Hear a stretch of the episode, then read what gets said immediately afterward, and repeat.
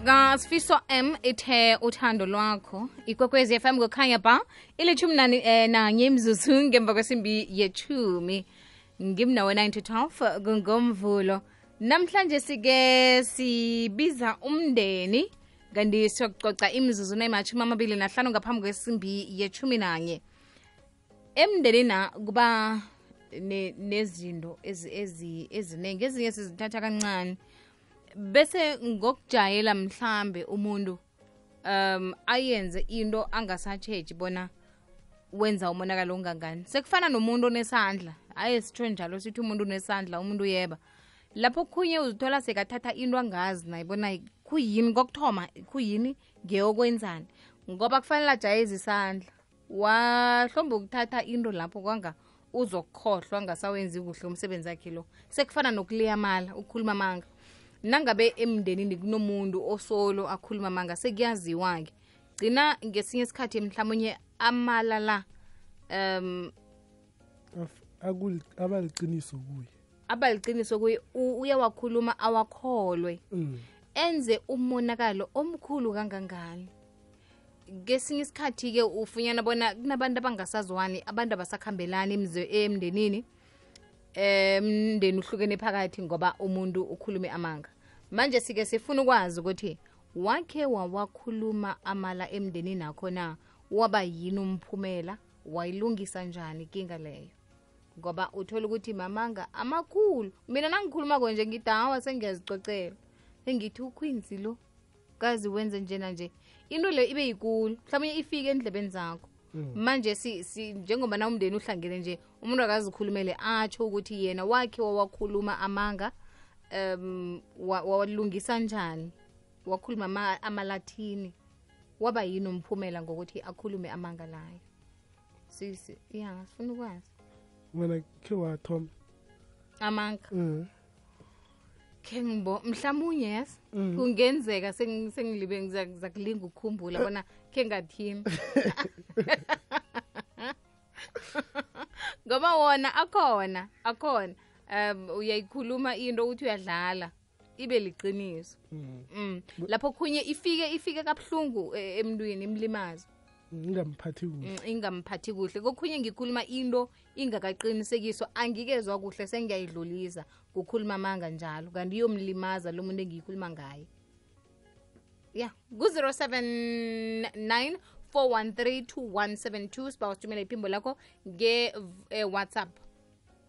Nasithi sibiza umndeni family meeting namkha usidosele ku-086 000 78 kwekwezi fm kukhanya ba. Imathumi amabili nesithandathu imzuzu ngemva kwesimbi yethumi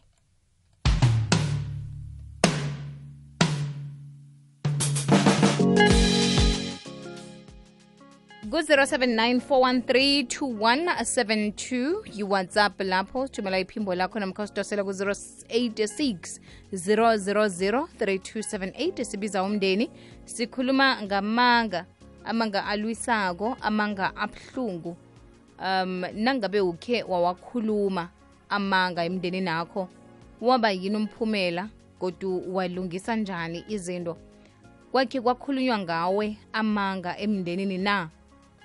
Waba yini umphumela walokho? Nakhona-ke nakhona njani bona nilungise amanga akhulunywe ngawe namkhanguwe owakhuluma amala emndenini wakhuluma amala wathini umphumela waba yini nakhona-ke walungisa njani izinto. Ikwekwezi fm kukhanya ba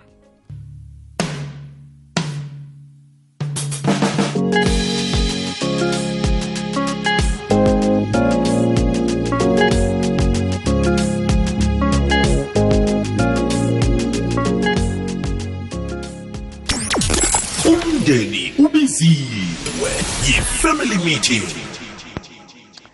Zuzu indaba oyiphethe le ibhlungu ibhlungu Zuzu. Mina nginomncayi wangicambela amanga watshela imndeni ukuthi mina ngithi ngijabulile indoda yakhe imefile and yena ubulele indoda yakhe uzuzu yazi ubuhlungu ngabuzwa zuzu mara. Ngokwazi uNkulunkulu nokuzithoba umuntu ukuthi unjani.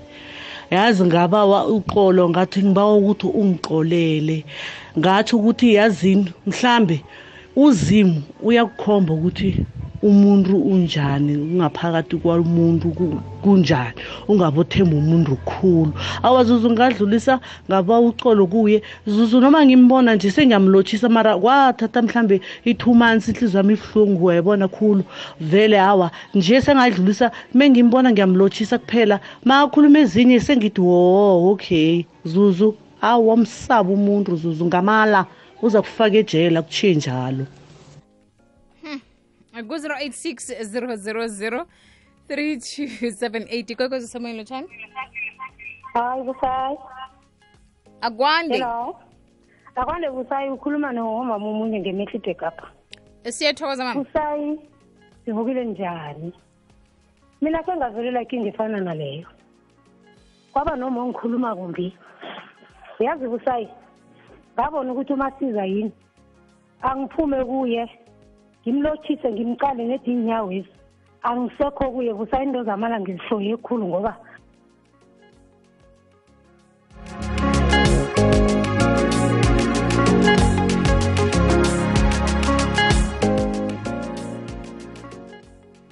namhlanje ekuseni ekwekwezini sisizuzu ngicela ukungazisho igama sisizuzu ho indaba yamanga iyinkinga kakhulu sisizuzu nami ngaba nenkinga yokuthi manje sicanjelwe imanga ekhaya kuthiwe thina siye sathakathisa omunye wabo anti wethu sathi ubulele umama wethu. Emva kwesikhathi kanti kuyibo lewo mndeni wakithi owaya e- e- enyangeni yabatshela zonke lezi zinto nasebafika sebayitshintsha indaba. Emva kwesikhathi bona bodwa sekuneminyaka neminyaka singakhulumisani ngale ndaba leyo. Bona bodwa labo mndeni bacabana futhi nasebacabana sebaphinde babuya kithi futhi sebasitshela ukuthi le nto yayisukelaphi ukuthi basicambele amanga. Kangaleyo ndlela-ke wakufanele ukuthi manje-ke sihlale phansi silungise. Kodwa mina ngabatshela ukuthi ngiyanixolela ngoba bengangisolwa ngikhuleka ngaso sonke isikhathi ukuthi umndeni mawubuyisane singasoloko sicambelana amanga namhlanje bona kodwa namanje abasakhulumisani kodwa thina siyachubeka ngempilo sisizuzu ngoba sabaxolela. Sawalungisa lawo manga asala kubo namanje nje sizuze emndenini ukhona nje ukuhilizisana kodwa thina sisekho kuleyo nto yabo babodwa bona bacabana bodwa. Thank you.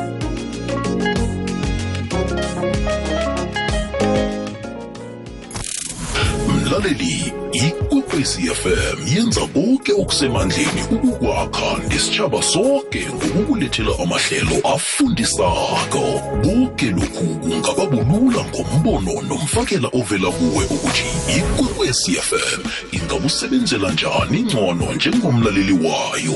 Sitlolela ngeposomoya ethi info at ikwekwecfm co za namkha enkundleni zethu zokuthindana zomrhatsho ikwekwecfm kukhanya ba. Ilithumi nethoba imzuzu ngaphambi kwesimbi yethumi nanye ikwekwezi fm kukhanya ba ngimnawe 912 family meeting ikwekwezi usemoyeni lotshani akwande akwande ma? Njani sivukile singezwa kini? Khona uyazi umuntu okhulumela amanga ukuthi kuthiwa ngani mina yazi umuntu wangikhulumela amanga wathi ngiloye umntwana wakhe ngimloye ngemali ngimboleke imali imali leyo iloyiwe. Khe akatsheli mina wakuhamba wayokutshela hamba wayokutshela umnakwethu umnakwethu nakafika yini sekabhubhudla amagwethu yo. Ufuna ukungidla ufuna ukungidla ngomlomo. Ukuthi kumdeni lo mntwana lo. Kuthi isikhathi isithatha ukuthi ngiyahamba ngiloya kokho nje umuntu ngiyamsaba ngimsaba nalapha adlule khona ngondlela umuntu owakhuluma njalo ngawe umuntu emndenini isihlobo sakho? Umuntu wemndenini. Hawu. mu- umuntu wemndenini nomntwana lo yizukulu sakamrharibo. Beks- sakamrharibam bekusukelaphi nakaza kutsho njalo kanti? Batsho mna ngamboleka imali eloyiweko. Hawu umbangisana umntwana? Angazi umbangisana umntwana ngifunani emntwaneni? Alo nayilungisa njani? Aloyiweko uh nilungise njani-ke ma? yazi nanona ngithi ngimqala imlenzana le? Ah. ane uthatha ngikhipha inyongo? Akho. O awayikalungi ikwekwezi semoyeni lotshani zange yalunga yebo njani sivukile ninjani? Akwane baba? Yebo ma. Yazi ukuthi mina ngaba nenkinga nomakhelwane. Umakhelwane eh umntwana udlala ekhaya badlala bonke nabaceda ukudlala bonke umakhelwane wathi ne nazomthatha wayepolice station wathi "Hey, ureyibhile ushukile bese ngireyibhe umntwana umntwana lo nga- nga- ngavalelwa nangiceda ukuvalelwa la azange balindene ukuhamba icala bebathutha babalelwa uyangizwa ngikulalela baba? Ya ngalikhamba ngingedwa. Ngabo for five months ngihlezi ngitrongweni after all na ba- bangalela zebheyili bathi ibheyili lami bagcina banginikele bathi ibheyili lami two thousand. Nabanginikele ibheyili two thousand nginganayo ngiyazihagela vele manje ngisahlala emkhukhwini lokho kwangithiya kuyo. Um and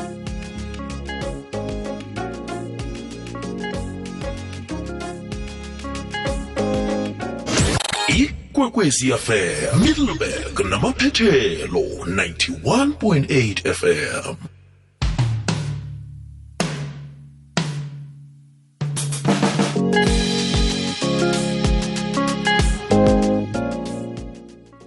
He Zuzu ake ngikuxoxele. Singisenkingeni lapha mina. Ngiqanje ngingomunye wabaqanjelwe amanga. Nakhona akusimanga, ngeke ngithi ngamanga cause lento ngayisho ngangibe ngiqoqela ubani. Siwo makoti su 5 emzini we1. Khona lo omunye oqamba amanga vele. so ngiyamxoxela lo bengingamazi mina ukuthi uyaqamba amanga ngiqoxela ngithi ah mina ngishade ngishadile ngithathelwa emzini ngabuya ngomshado wangithi so ngiyasho ngithi ah lo anti ofuna ukushada ebefuna ukuthi agazathelwe imali bami simshayele imali ngoba yena uyashada. So mina ngixoxela lo umakoti ngithi hayi yazini mina ngize ngishade akunamuntu owagazathayo angizange ngihluphe abantu. Ngiyaxoxa ne ebehamba yena efika ku-anti uthi khona ah usibani bani uthi yena angeke a- akhiphe imali ngoba eh, ifamily ayizange ngikhiphe imali mhla eshada. Zuzu. He yaba yindaba enkulu indaba yakhona. Yo yo yo angeke ngizisho ikhama. Bhayi abantu abamanga bayahlupha and ababoni ukuthi bayenza idamage enkulu yazi. Hayi awusikhuzele bona zuzu. Daba saba nami. Iba mamanga indaba nayinjani? Nangizokuthi quincy uthabi batsho khibe utshile vele. I- nganayinjalo nayinjalo iliqiniso. Oh imama nganayinjani nangikhuluma into ongakayitsho mm. eyi ngemrhatshweni abanye bakhuluma i-sign language.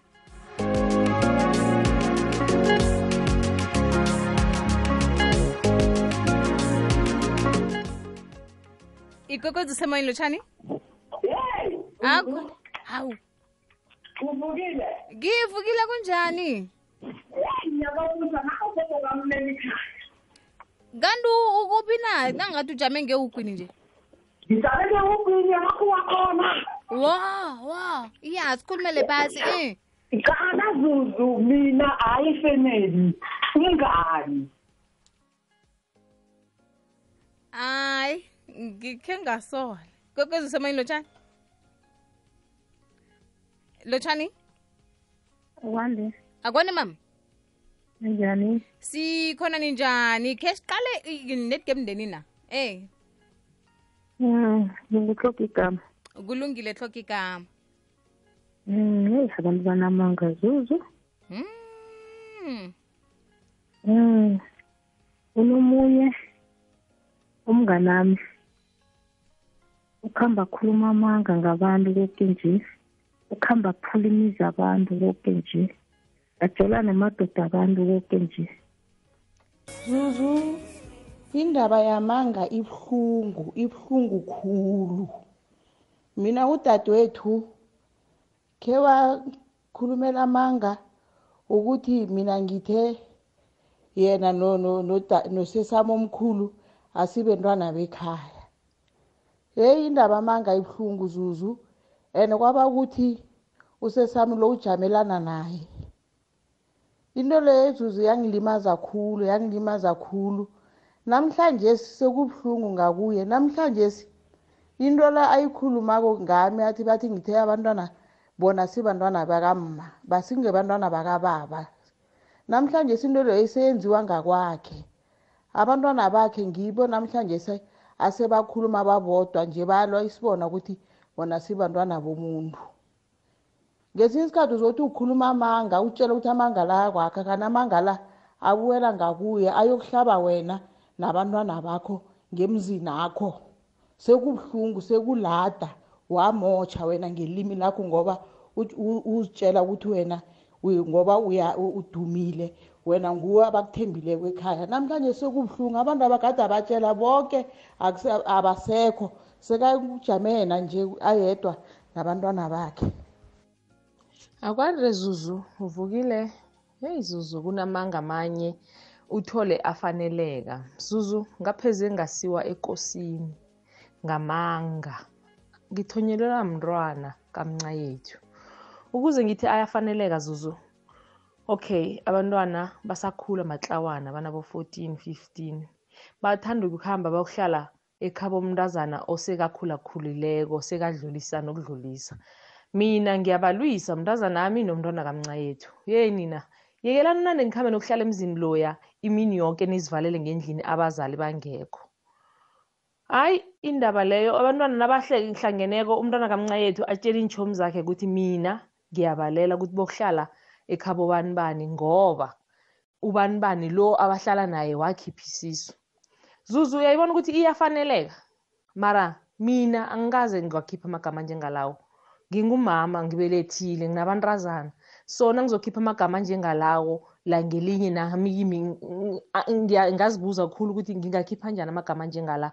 Angikaze ngiwakhiphe. Mara ayafaneleka and nami ngingawakholwa ngoba vele ngangibalela ukuthi yekelani ukuzivalela imini yoke emzini loya. Ngisaba inkinga esisibomama siyazi ukuthi abantwana nabahlangeneko banento eziningi abazenzako ezi-snacks. So ngangibalekela iinkinga zokuthi kusasa ngazokuthiwa abantwana bakho bebazivalele kuphi kuphi wenze so naso baphule ini nani nani nani. Uyabona ukuthi ayafaneleka zuzu? Ukuthi vele ngingawatsho ngoba vele bengibalela.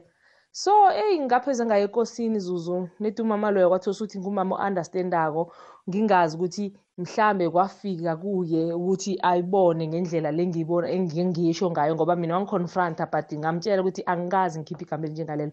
And nanje ngisatsho angikaze ngilikhiphe igama elinjengalelo mazuzu ned ubalela khona iye bengala ngithi nisesebancane nisakhula for uzivalele emzini imini yonke it's a no no umzali omunye nomunye uyakhona u-understanda ukuthi abantwana nabahlangeneko kunenkinga ezingavela muva abazenzako those ukuthi uthwala imlando umzali. So eyi manga angakufaka ejele zuzu and afaneleke.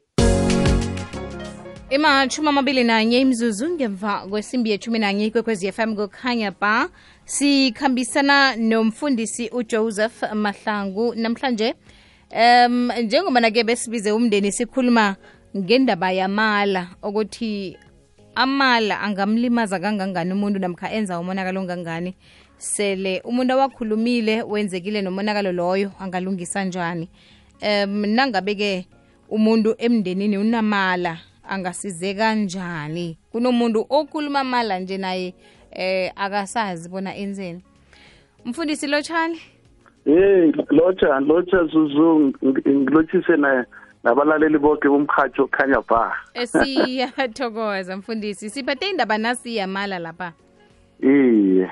Manje sikuba nomuntu solo ukhuluma malayina iqiniso awa lisaphumi ngomlomo wakhe uyazikholwa godu nakakhuluma manga bese kulimala abantu. Angasizeka Iye. kanjani mfundisi? Ya zuza ke sithome lapha ukuthi amala azange akhe. Akukho la akhe alungisa khona noma akha. Into eyenziwe ngamala i- iya- iya- iyaphahlazeka i- i- iya- iyaphuka iphele and ibe buhlungu khulu and lokhu uzimo asiphe eh, i- i- imlomo ku- nombana sikhulume akufanelanga ukuthi amala kube yinto esiyifakako ngoba into oyikhulumako kwazi ukuthi ayikwazi ukuyi- angeke uyigwinye godi khona kuhle ukukhuluma iqiniso iqiniso liyakwazi ukuthi umuntu limthathulule limise phambili. Mara amala ayalimaza ah umuntu onamali uyazisola ekupheleni uyazibulala. Ngiyakuzwa mfundisi. Ya.